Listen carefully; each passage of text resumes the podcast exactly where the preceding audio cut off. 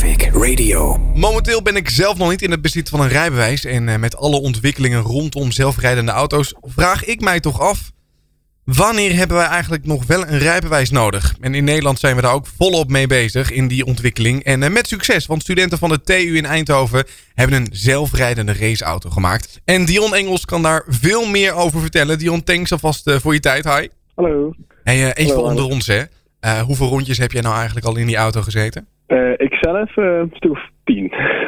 En hoe is dat nou in zo'n zelfrijdende auto? Eh, ja, heel, heel interessant. Het is heel leuk om te zien, om te zien gaan. Het is, ja, je kunt je het bijna niet voorstellen. Dan- Dan staat er gewoon een auto waar niemand in zit. En dan denk je, nou, daar kan eigenlijk niet zoveel gebeuren. Mhm. En dan duw je een knopje in en dan gaat hij rijden. Ja, en hoe, dus best zo. hoe stel je nou in waar die naartoe gaat? Dat doet hij zelf scannen. In principe, het enige wat we hebben is een start- en een stopknop. En dan eh zetten we hem dus gewoon op de baan. En dan gaat hij zelf zijn eigen route vinden op de baan.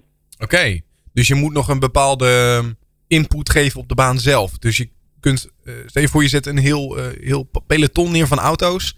Dan kunnen ze eigenlijk allemaal de ideale lijn rijden. Ja, we doen in principe de competitie waar we meedoen is een, de baan is zo die eruit ziet. Die bij ons is dat voor pionnen. Mhm. Ze zetten binnen bepaalde pionnen.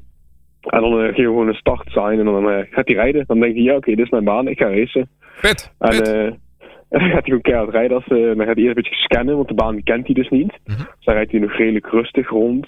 En dan is hij dus een beetje aan het onderzoeken eigenlijk van hoe ziet het eigenlijk eruit. En na een tijdje is hij, ja, ik heb al een rondje gezien. En dan gaat hij steeds harder en harder proberen te rijden.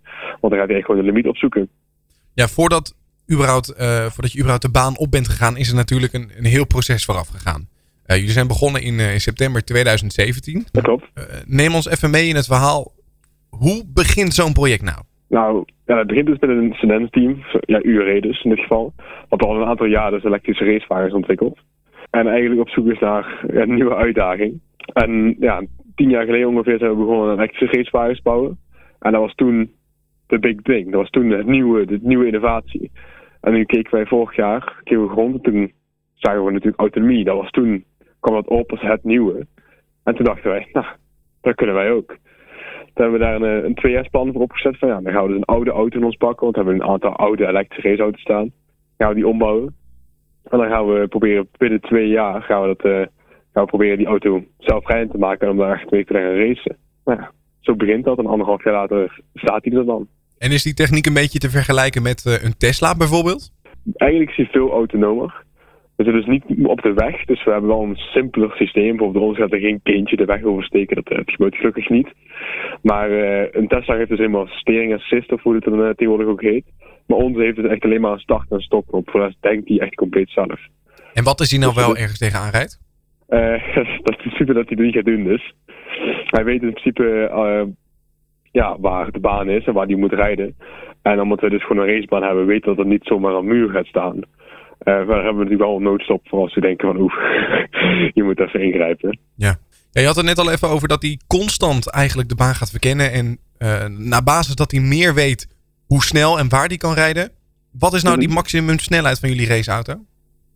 Eh, de auto zelf kan ongeveer 130.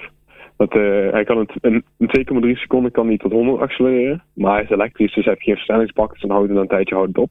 Op dit moment, met, als hij autonoom rijdt, kan hij nog niet zo hard. Eh omdat is, het systeem is niet heel boost. Het gebeurt wel eens dat hij bijvoorbeeld een pion mist. Dan slaat hij gewoon rechtsaf of gaat hij rechtdoor waar hij eigenlijk de baan niet in het volgen is. Ze laten nu nog wat eh, rustiger rijden, gewoon voor, puur voor veiligheid. Maar eh, we hopen zo snel mogelijk het systeem natuurlijk zo geboost mogelijk te krijgen. Dat hij natuurlijk ja, in principe sneller moet zijn met de computer dan met de coureur. Want het scheelt toch een 80 kilo gewicht aan die auto. Dus ja. Is het een toekomstdingetje voor een sport? Dat er alleen nog maar zelfrijdende auto's als zeg maar, de nieuwe Formule 1 worden neergezet? Ik zou het zelf wel vet vinden. Ik, eh, ik hoor natuurlijk sommige mensen zeggen van ja, het charme van Formule 1 zit wel in de coureurs en eh, de drama daaromheen. Maar ik zou zelf ook wel heel interessant vinden om bijvoorbeeld een sport te zien waar het echt alleen maar de auto's is. Want dat zie je bij Formule 1 natuurlijk nu ook al. Van de invloed van de auto's is gigantisch. Maar ja, als je dat gewoon alleen maar dat zou hebben en echt daarop gaan focussen, dat zou ook wel heel interessant kunnen zijn te zien, denk ik. Ja, in het begin vroeg ik ook van, joh, je kan in die auto zitten. Je hebt een aantal ronden gereden. Moet je daar eigenlijk een helm voor op hebben als je daarin zit? Alsjeblieft? Als je, als je in die auto zit, je rijdt een rondje. Moet je dan Mhm. verplicht die helm ook op hebben, omdat het een raceauto is? ja, in principe we zitten eigenlijk in een auto die dus rondgereden wordt om te testen. Als we dus echt helemaal autonoom aanzetten, dan zit er dus niet meer in. Want dat is een beetje onhandig, want bijvoorbeeld de motoren die aan het stuur zitten, die zitten daar zoveel druk op dat je dan ja, gewoon je post zou kunnen berekenen. Uh, maar dat we gewoon in de auto zitten als we zelf rijden, ja, moeten we volledig uh, veiligheidspak aan. Gewoon zoals de Formule ook heeft, altijd brandwerend, helm op. Want ja, 130 km uur is geen grapje. Dan moet je wel natuurlijk gewoon alles veilig doen. Ja, en hoe ziet die auto nou eigenlijk waar die heen gaat? Zijn dat specifieke camera's of is het zeg maar je do-it-yourself webcam set van, van de willekeurige winkel? Uh, we hebben LiDAR-sensoren. Dus uh, die zijn uh, al redelijk high-tech. Anders is het licht. Dus lasers zendt die uit en dan ziet hij die manier ziet die objecten in de, in de verte. het enige wat dus ziet dat die LiDARs sturen dus licht uit en dat kaatst dus terug en dat ontvangt hij weer. Zij weten eigenlijk niet wat hij ziet, maar hij ziet gewoon, daar is iets. Dat zou dus een muur kunnen zijn, maar ook een pion. En voor de rest hebben we dus camera's om eens de kleur te detecteren van, van de objecten die er dan gevonden zijn. En dan ziet hij dus of het pionnen zijn of dat het een muur is. Dan kan hij dan uit elkaar halen. En dan weet hij dus, oké, dit is waar ik ben. Dat kan hij met sensoren zien. En hij weet dus wat er voor hem ligt. En dan gaat hij dus eh, rekenen om te kijken waar hij heen moet. En het laatste wat ik eigenlijk wil weten is, uh, wat nou als je op hol slaat? Kun je hem dan op afstand zeggen van, hé, hey, maar nu moet je stoppen? Of kan dat alleen in die cockpit zelf? We hebben, we hebben een, eh, een noodstop.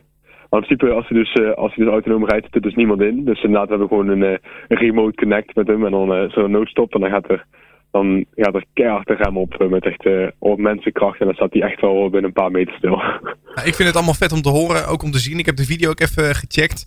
Um, ja, Dion Engels, enorm bedankt voor deze toelichting rondom jullie zelfrijdende raceauto.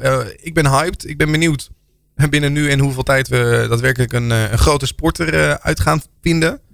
Um, nogmaals bedankt voor je tijd. En um, ik wens jullie nog heel veel succes met dit project. Nou, dankjewel. Graag gedaan. Traffic Radio.